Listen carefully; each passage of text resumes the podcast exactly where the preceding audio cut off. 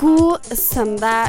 Det er Glimt igjen, og jeg sitter her i studio med deg, Aisha. Det gjør du. Og i dagens sending så skal vi snakke om det fantastiske temaet utvikling, og jeg gleder meg veldig. Det er kjempespennende. Jeg gleder meg helt enormt. Om bare få sekunder skal vi selvfølgelig komme tilbake til alt det spennende vi skal snakke om i dag.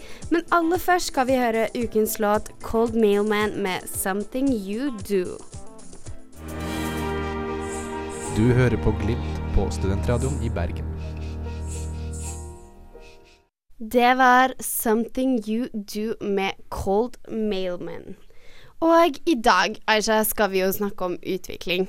Det skal vi jo, det ligger jo i hjertet på meg. Det her er jo spot on hva jeg studerer, det er jo alt jeg tenker på. Uh, men, men, det som er at vi, jeg syns vi, har så, vi har så bra tema vi skal gjennom også. det er jo helt fantastisk. Men altså innledningsvis så er det jo litt sånn utveksling Nei, utvikling er jo supersvevende. Og vi skal jo også komme tilbake til å prøve å definere litt mer hva det er. Mm. Men også derfor har vi jo et supervariert program i dag. Vi skal først litt innom FN. Det skal vi. Jeg var jo i Brussel og tok opp veldig mye lyd der. Og der kom denne debatten opp mellom eh, retten til utvikling eller ikke, om det skal være en lovfesta rett eller ikke. Det skal vi snakke om.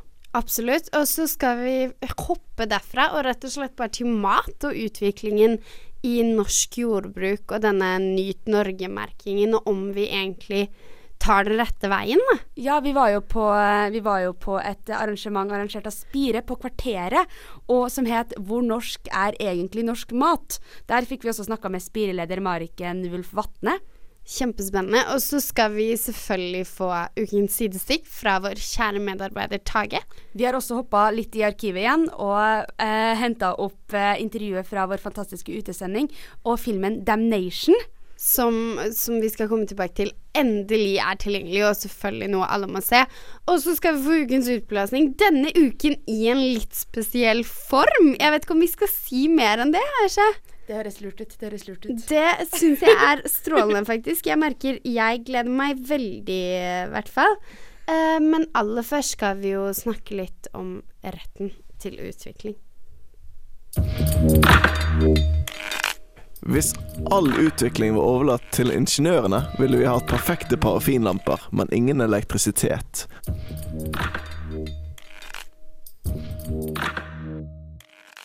Det var altså Einstein og hans uh, syn på utvikling, nærmest.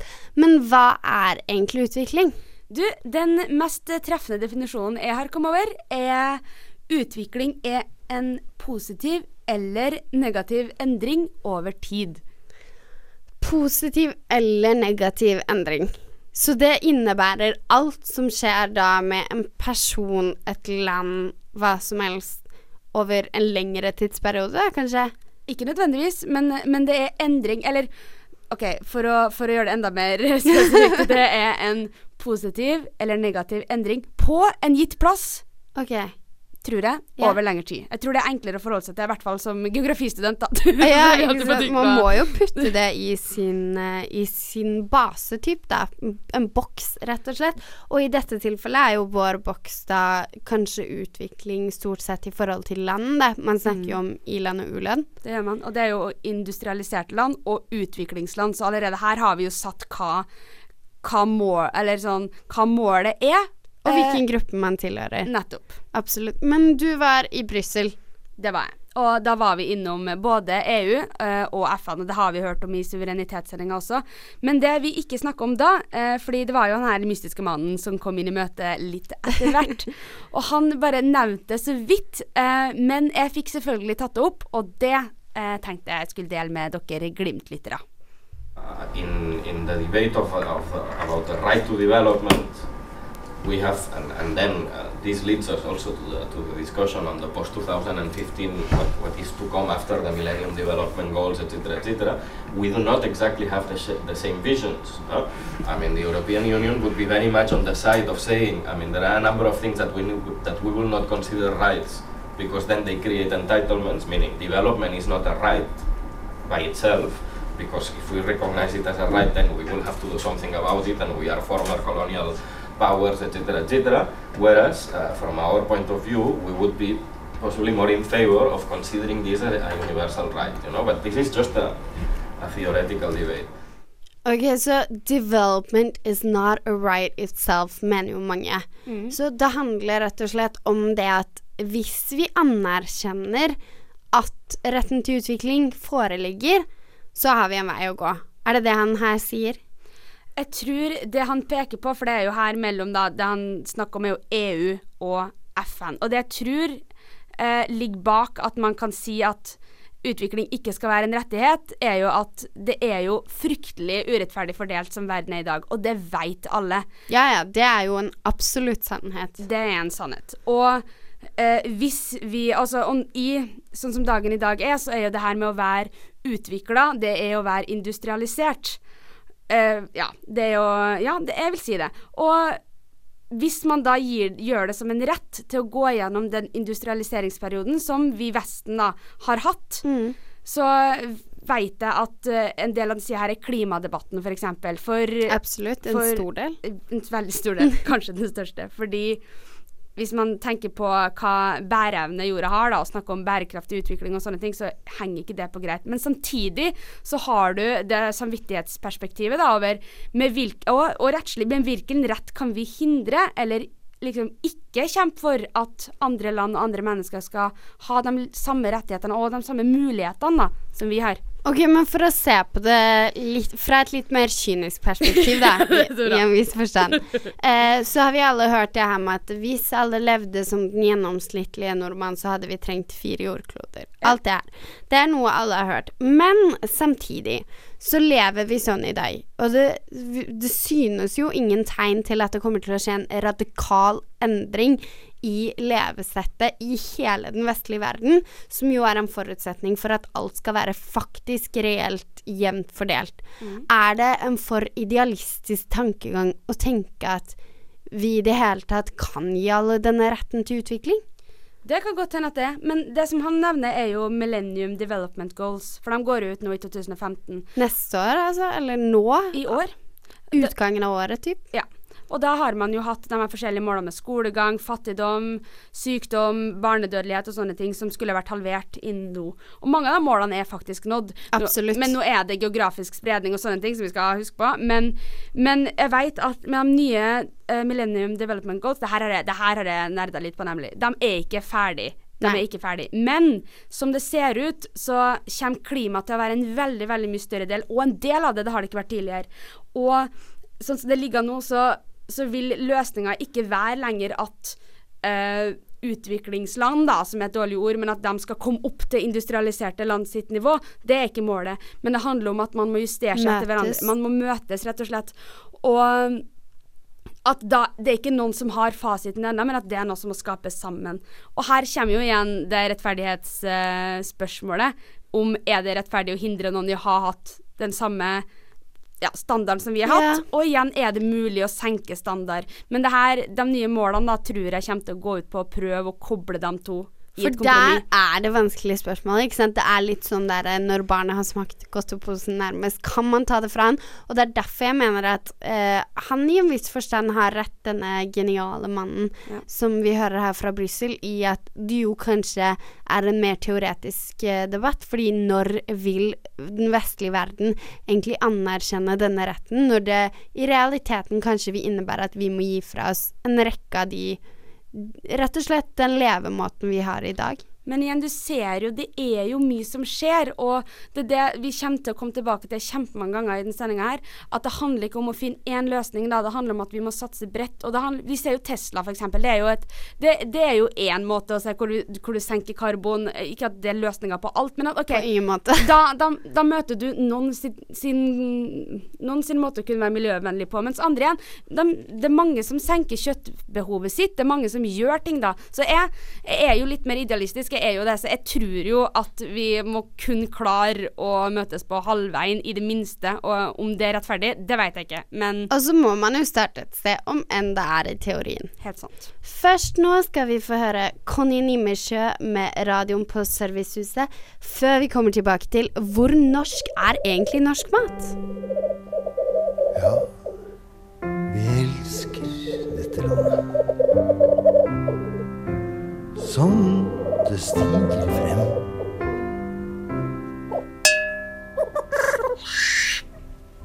Furet værbitt over vannet med de tusen hjem. Fra Ole Paus til hvor norsk er egentlig norsk mat? Og her hørte vi jo vår kjære nasjonalsang, og vi er jo veldig stolt av norsk mat, i en viss forstand, av vår produksjon, av våre bønder. Men du og jeg, vi var på en debatt, Aisha, i regi av Spire. Det var vi. Hvor vi snakka om soya, eh, eller bruk av soya i kraftfôr da, i norsk landbruk. Og om man da kan kalle maten norsk når eh, en, en kylling på én kilo er en, tredjedel, altså en tredjedel av vekta er liksom soya fra Brasil. Ja, ikke sant. Og det er jo nettopp det, at det er fra Brasil. Og dette med utvikling Vi lever i en stadig mer globalisert verden. Vi er helt avhengige av hverandre. Og som det ikke fremgår av det intervjuet vi skal høre nå, så er det jo faktisk litt skummelt å tenke på at en dag kan vi være avhengig av fisk som vår fremste næring, for eksempel. Og de, eh, de lever jo av brasiliansk soya. Det gjør de. Og det sier jo bare litt om det her med selvforsynt Altså, vi er ikke selvforsynt i det hele tatt. Jeg tror det er 38% selvforsynt eller noe. Vi er totalt avhengig av import av uh, mat. Men uh, vi tok derfor en prat med leder av Spire. Ja, det gjorde vi. Marken Wulf Vatne. Vi står her med Marken Wulf Vatne, leder for Spire Bergen. Og Marken, jeg lurte på om du kunne fortelle litt om hva problematikken med soyabruk er, og hvorfor Spire ønsker å belyse det i år? Eh, I Norge så har forbrukerne blitt veldig flinke til å sette krav til hva de spiser, og være opplyste om hva de spiser, og ta liksom, aktive valg. Men når det kommer til soya, så tror jeg veldig mange ikke er klar over hva de egentlig støtter, og hvilke produkter som på en måte egentlig kan være veldig farlige for miljø og mennesker, både i Norge og i andre land. Eh, når det kommer til soya, så blir det produsert eh, hovedsakelig i Brasil, og vi importerer enorme mengder eh, til Norge. Og dette brukes da i fôr til eh, kylling og storfe og sauer, som senere da blir merket som norsk mat. Eh, så vi i Spire har jo ønsket å sette lys på det fordi det er en problematikk som vi tror veldig mange ikke er klar over, eh, men som er utrolig viktig. Men, men jeg tenker liksom, vi var jo på debatten nå, og det er vanskelig det er vanskelig å snakke om soya, det er vanskelig å kutte ut. Hvorfor, hvorfor, er, det, hvorfor er det det? Det som kan eh, regnes på, er hvor mye man sparer inn på å gi dyrene soya. Man kan ikke regne på hvor viktig det er å ha norsk eh, landskap og ha, opprettholde kulturlandskap, eller å ta vare på menneskers helse i Norge og i Brasil. Og da blir på en måte det viktigste blir å tenke profitt og kroner og øre. Og da mister man alt det andre. Men hvordan kan man overbevise politikerne om at dette nettopp er ting som må gå over profitt? Det viktigste er jo at folk er klar over det. For det tror jeg veldig mange i dag ikke er. Og så må man sette krav, sånn som forbrukere gjør eh, med palmeolje. At man sier at dette her er ikke noe vi som forbrukere støtter. Vi, ikke, vi aksepterer ikke en sånn type politikk som går så hardt utover mennesker og miljø. Eh, Så man må bruke Man må både presse politikerne rent sånn faktisk ved å bruke Twitter, sende brev, hva som helst. Men også å bruke forbrukermakta si, for den er enorm. Og jeg tror ikke de alle tenker over det. Men det vi velger å kjøpe, er det som blir produsert. Er det, hvis vi velger bort produkter som har eh, soya, eller som er basert på soya, så vil det ikke lenger være noe marked for å produsere sånne produkter. Vi hørte gjennom debatten at politikerne hadde vansker med å komme opp med noen konkrete forslag til løsninger. Hva mener du er løsningen på denne debatten? Jeg tror løsninga er å sørge for at bøndene har ressurser til å kunne bruke norske ressurser. Og ikke at de skal være under et sånt konstant press på å hele tiden produsere mer, raskere og billigere. Man må som forbruker være villig til å betale litt mer for å få norsk mat på norske ressurser, og ikke en kylling som er eh, består av 0,35 kilo soya fra Brasil, liksom. Man må gi ja, Bøndene vil det, viljestyrken er der, men man er nødt til å gi dem muligheten til det. Og det er det vi som forbrukere som er nødt til å gjøre. Med det skal vi høre Austin Basham med 'Running'. Nå skal vi få ukens sidestikk fra Tage. Alfa, omega, sol, måne, trening, skole, kjæreste, TV, Facebook, vorspiel, nachspiel, Petter Northug, innleveringer, 50 kroner på kontoen, sidestikk, sidestikk, sidestikk. I påskeferien var jeg og så Kingsman, The Secret Service. Den var interessant, spesielt fordi skurken i filmen er en klimaentusiast som hater vold, og som har som hovedmotiv å redde planeten. Skurken forklarer det slik. Når man får et virus, får man feber. Feberen er kroppens forsvarsteknikk for å drepe viruset. Jordkloden fungerer på samme måte. Global oppvarming er feberen, mennesket er viruset. Det er vi som gjør planeten vår syk. Videre forteller skurken at om vi ikke reduserer populasjonen, er det én av to ting som kommer til å skje. Planeten dreper viruset, eller viruset dreper planeten. Men utfallet for oss mennesker vil bli det samme uansett. Vi kan ikke overleve. Jeg syns dette var en morsom vri på en skurks motiv i en spillefilm. Men det han sier gir også mening. Denne tankegangen fikk meg til å tenke på Agent Smith fra The Matrix, som sammenligner oss mennesker med The Cancer of the Earth. La oss høre litt på hans resonnement. Every mammal on this planet instinctively develops a natural equilibrium with the surrounding environment, but you humans do not. You move to an area and you multiply and multiply until every natural resource is consumed.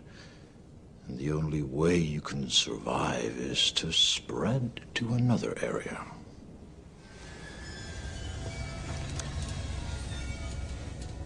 There is another organism on this planet that follows the same pattern. Do you know what it is? A virus. Human beings are a disease, a cancer of this planet. You are a plague, and we are the cure. Hvis vi menneskene er problemet, hvorfor sympatiserer vi aldri med skurkene som har disse motivene? Jeg husker jeg lærte på skolen at det var et skille mellom kultur og natur. At alt som er menneskeskapt, betegnes som kultur. Kanskje det er vanskelig å sympatisere med naturen fordi vi ikke lever i den lenger. Jeg syns heller ikke det er så veldig egoistisk at vi som skapninger ikke har lyst til å bli utryddet.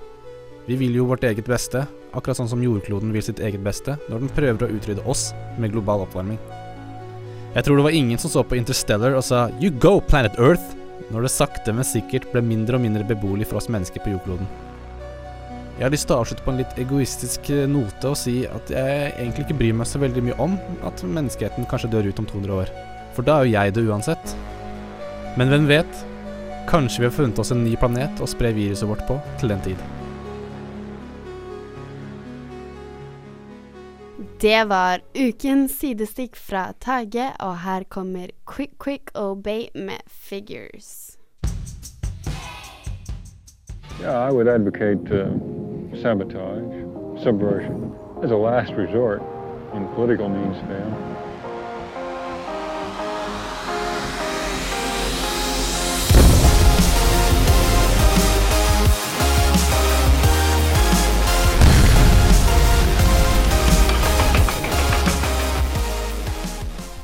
I høst så var det som vanlig Bergen internasjonale filmfestival, og der var vi, Aisha, og intervjuet de fantastiske filmskaperne Matt Stoker og Travis Rommel bak filmen Damnation. Det er jo en, eh, det er en veldig bra dokumentar eh, som handler om eh, det, altså det å sprenge dammer, da. For i USA så har de ekstremt mange dammer. Demmer opp veldig, veldig mange og store områder. Absolutt. Eh, og så så man at kanskje nå da at konsekvensene og resultatet av dem her kanskje ikke bare var utelukkende positivt. Så man har på en måte bølger av å sprenge de her demningene nå, da. Og det er det denne filmen handler om. The intent of the film was to show the destructive power that dams have on rivers and salmon runs, um, but also a hopeful message of removing rivers and or removing dams and restoring rivers. Fordi det kan jo være vanskelig når man har brukt så mye penger på noe, å innrømme at uh, det nettopp kanskje ikke var så bra som det skulle være. Og det er jo nettopp det uh, filmen handler om, at uh, de er rett og slett miljøforkjempere. Og de drar rundt, og det er veldig vanskelig, synes det som, å få oppmerksomhet rundt dette, at dette er et reelt og viktig problem for andre enn urbefolkningen, som kanskje ikke har en stemme som nødvendigvis blir hørt så ofte. Og det som er artig med filmen nå, den har litt sånn komiske toucher. Og Absolutt. måten de filmer på, det er, jo ikke, det er jo ikke nødvendigvis helt lovlig alt sammen. På ingen måte.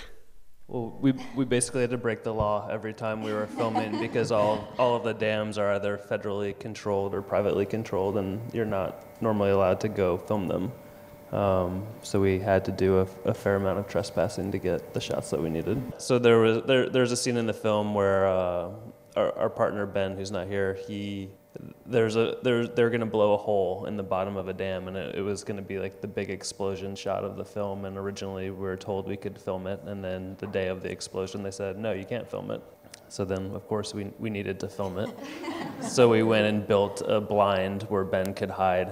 And then Matt and I are kind of with the big group of people that are waiting for the explosion to happen. And Ben's texting us, and, uh, the, and he's like, dude, the helicopter's right on top of me. Like, they see me, it's over, they're not gonna blow up the dam. And like, Matt and I, like, it was delayed, and we were just like, wow, like, it's really, really not happening. But they saw someone else right behind them, and they arrested that person, and Ben was able to hide there and get the shot. Fordi det her er jo et ganske betent tema. Altså, som jeg nevnte, det ligger jo masse penger i det her. Kanskje ligger det litt stolthet i det her. Og da kan det jo være vanskelig å innrømme at man har gjort en feil. Og da tenker jeg også spesielt på dem, den parten som kanskje ikke ble hørt på, da. Og det er jo dem som brukte naturområdene, og dem som på en måte hadde en spesiell tilknytning, og det er jo urbefolkninga. Absolutt. Og jeg syns på en måte de viser det veldig fint i den filmen her, og den sida ikke på en sånn eh, sånn moraliserende måte som det kan bli gjort på, da, men bare på en veldig sånn genuint fin måte. Men her er det jo da en fyr som rett og slett har gjemt seg i skogen og filmet noe. Det må man vel kunne kalle god gammeldags sivil ulydighet? Det må man kunne kalle god gammeldags sivil ulydighet. Det er jeg helt enig i. Men uh, du, du var litt uh, Du hadde en liten oppfordring til sivil ulydighet selv en gang. Fortell ditt favorittsitat angående det. Ja, uh, det var da jeg bodde hjemme i Trondheim og var aktiv i Natter og Ungdom, så hadde jeg et sånn hadde hengt en lapp da på soveromsdøra mitt, soveromsdøra mi hvor det sto et sitat av Martin Luther King. Og det er jo da altså at vi alle har en plikt til å følge rettferdige og gode lover. Uh, og så har vi alle en plikt til å bryte urettferdig og undertrykkende lover. Og så står det, i mitt, i mitt tilfelle, så står det under uh, varig vern av Lofoten og Senja. jo, men det, så må man. Så må man. I think the, the biggest thing for me personally was how quickly nature comes back when the dams come out. Like we were there, you know, we, we spent three years filming the project or two years in the field and you'd see the dams come down and almost immediately fish would be moving past the dams once they were able to and just how quickly nature responds when given a chance. It's it's it's a nice hopeful message in kind of all of the bad things you hear about the environment that there's actually some hope and i think people respond well to that. Fordi når man snakker om utvikling, så er det jo faktisk helt sant det han sier her, at man kommer til nesten utelukkende negative konklusjoner, og man får eh, litt kjipe svar på det meste man spør.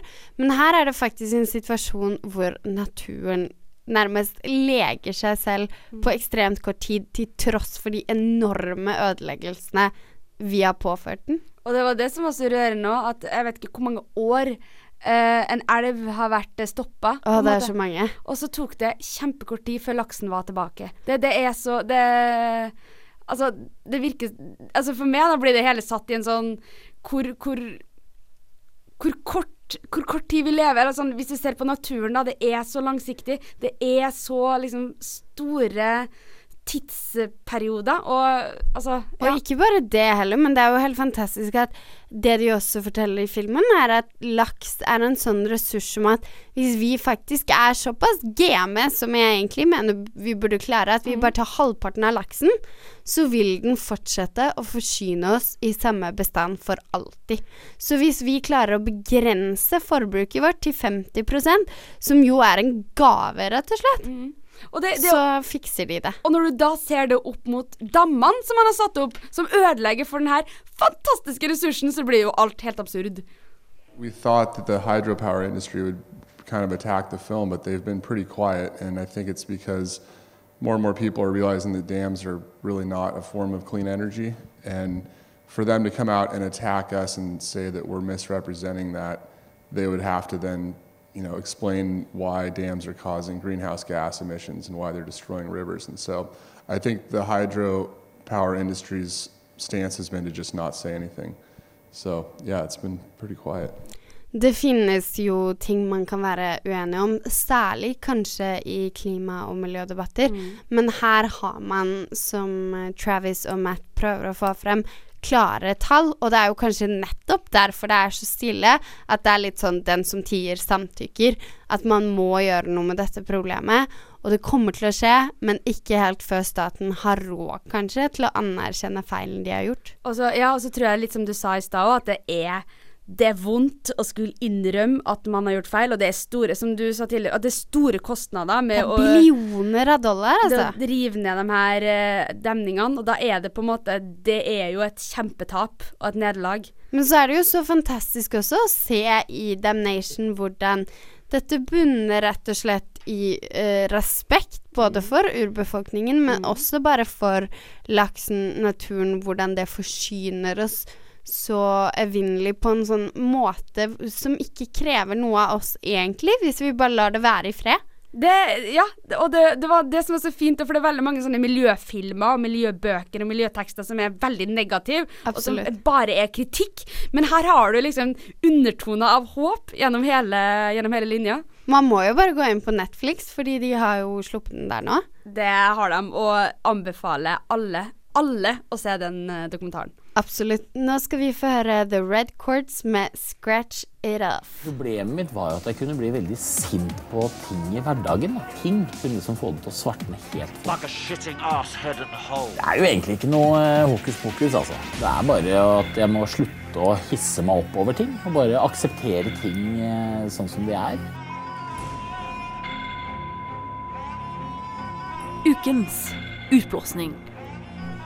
Som vanlig er det jo ting vi irriterer oss over, men denne uken skal vi rett og slett få det gjennom vår type favorittuttrykk her i Glimt, nemlig musikk. Det stemmer. Jeg var på en forelesning om eh, transnational companies. Eh, trans- Jo, en bra kilde til frustrasjon. ja, du, det kan du si. Det kan du si. Eh, og da eh, var jeg ganske forbanna etter en forelesning, og så brant jeg inn med veldig mye. Så det her, den sangen her er egentlig det jeg har lyst til å si til foreleseren min, men som jeg ikke sa. Den går ut til Aishas foreleser. Tusen, tusen takk. OK. With your technical solutions, your Eurocentric views, humans don't matter, only money is true. Oh, you wear your fancy suit, got your numbers ready, your mantra, keep the economy steady. Neoliberalism, keep the economy growing. New imperialism, keep the economy steady. And so you buy and sell whatever land your connections got you to. Build schools so local people got something to do. Oh, teach them how the world the civilized person is and make them stop their farming. Oh, you nip it and the trees. Oh, keep the economy growing. Communities are lost. The economy's growing. No matter the cost, keep the economy growing. And now the ice is getting smaller, but your income has increased. Your power and your money is built on a petroleum fees. Now islands disappear, speeches are lost, but you gain your prize, but you care about the cost. No, keep the economy growing. Who care about some bugs? The economy's growing, no matter the cost. Keep the economy growing. And my critique is way too harsh and unfair, you would claim. I don't understand your numbers. I got nothing to say, cause if I did, I would see that your absolute goal is not making profit for yourself. But helping the poor, oh, keep the economy growing. Less people would starve if the economy is growing. You actually use human rights to keep the economy growing. Keep the economy growing. Communities are lost. The economy is growing. No matter the cost, keep the economy growing. No matter the cost, keep the economy growing. Jeg tror ikke man kan få en vakrere irritasjon på radio noensinne. Det må jeg bare påpeke. Men også et ganske harsh eh, spark til en foreleser her om eh, hvilke metoder vi rett og slett benytter oss av for økonomisk vekst. Og igjen, jeg tror ikke det er ett svar på utviklingsspørsmålet. Jeg tror vi må satse litt breiere. Absolutt. Nå skal vi få høre en litt annen sjanger, nemlig George Maple med 'Where You End I Begin'. Eh, Lykke kan komme i små glimt. Uh, I, I store glimt. Spør du meg hva lykken er? Hent deg en varm kaffekopp, ta med litt sjokolade og sett deg i sofaen her med et pledd. Så hører vi på Glimt hver søndag klokken ett med Sofie og Aisha i Studio 2. Vi sitter fortsatt i Studio 2, vi, og i dag har vi snakket om utvikling. Ja, og det er jo et fantastisk stort tema som eh, er utrolig vanskelig å snakke kort om. Men, Men eh, bare for å huske, hva er utvikling? Jo, jo, jo. Den definisjonen vi har brukt her, er at eh, utvikling er en positiv eller negativ endring på en bestemt plass over tid.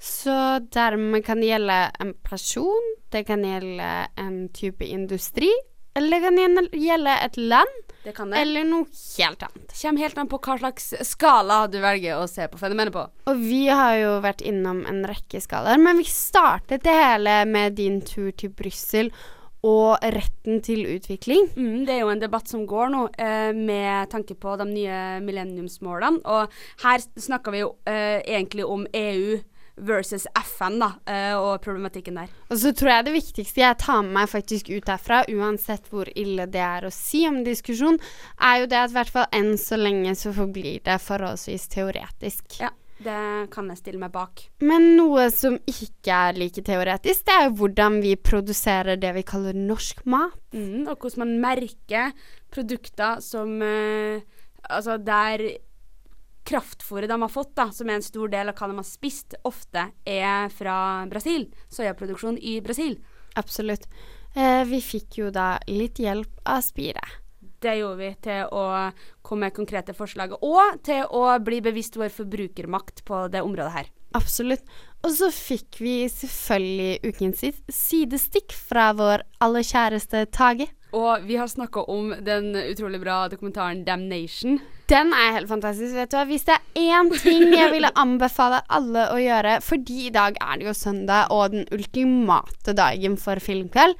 Logg på Netflix, sett deg godt til rette, gjerne med popkorn eller litt te på søndagskvelden, og kos deg med denne ganske litt sånn sjokkerende og øyeåpne, men også veldig fine og positive dokumentaren. Ja, for det er det som jeg vil understreke her. Det er ikke en sånn eh, 'nå må vi våkne, folkens' eh, dokumentar. Det er bare en sånn du, du får litt trua, da. Og så kan ja, ingen liksom være sånn 'I told you so' heller, og Nei. det er litt deilig. Det er Veldig godt. Det liker man. Ja. Eh, men på slutten her også så fikk vi jo en helt fantastisk sang om økonomisk vekst fra deg.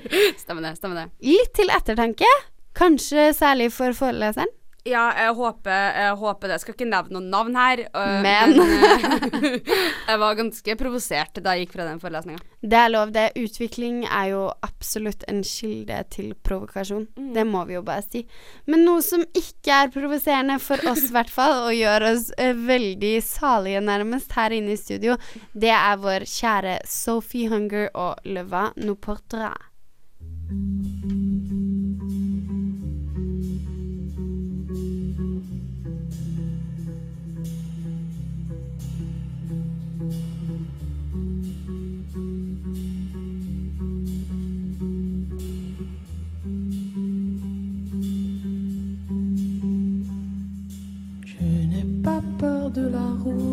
faudrait voir, faut qu'on y goûte des méandres au creux des reins.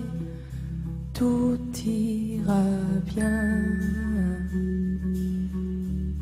Le vent l'emportera. Ton message à la grande ours, la trajectoire de la course, l'instantané de velours, même s'il ne sert à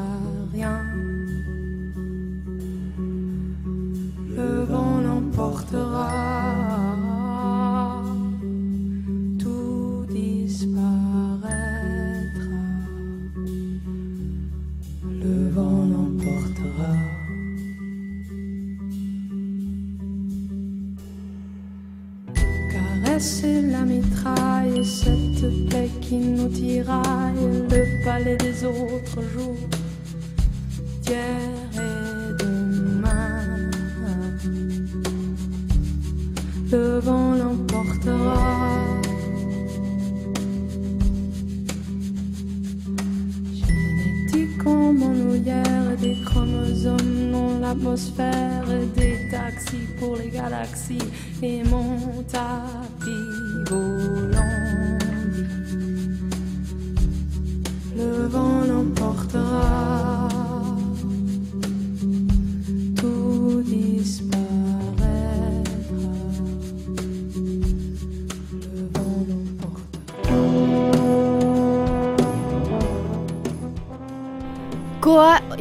På Netflix og se Damnation, og ellers bare tenk litt over utvikling og eh, hva det er, og om alle burde ha en rett til det.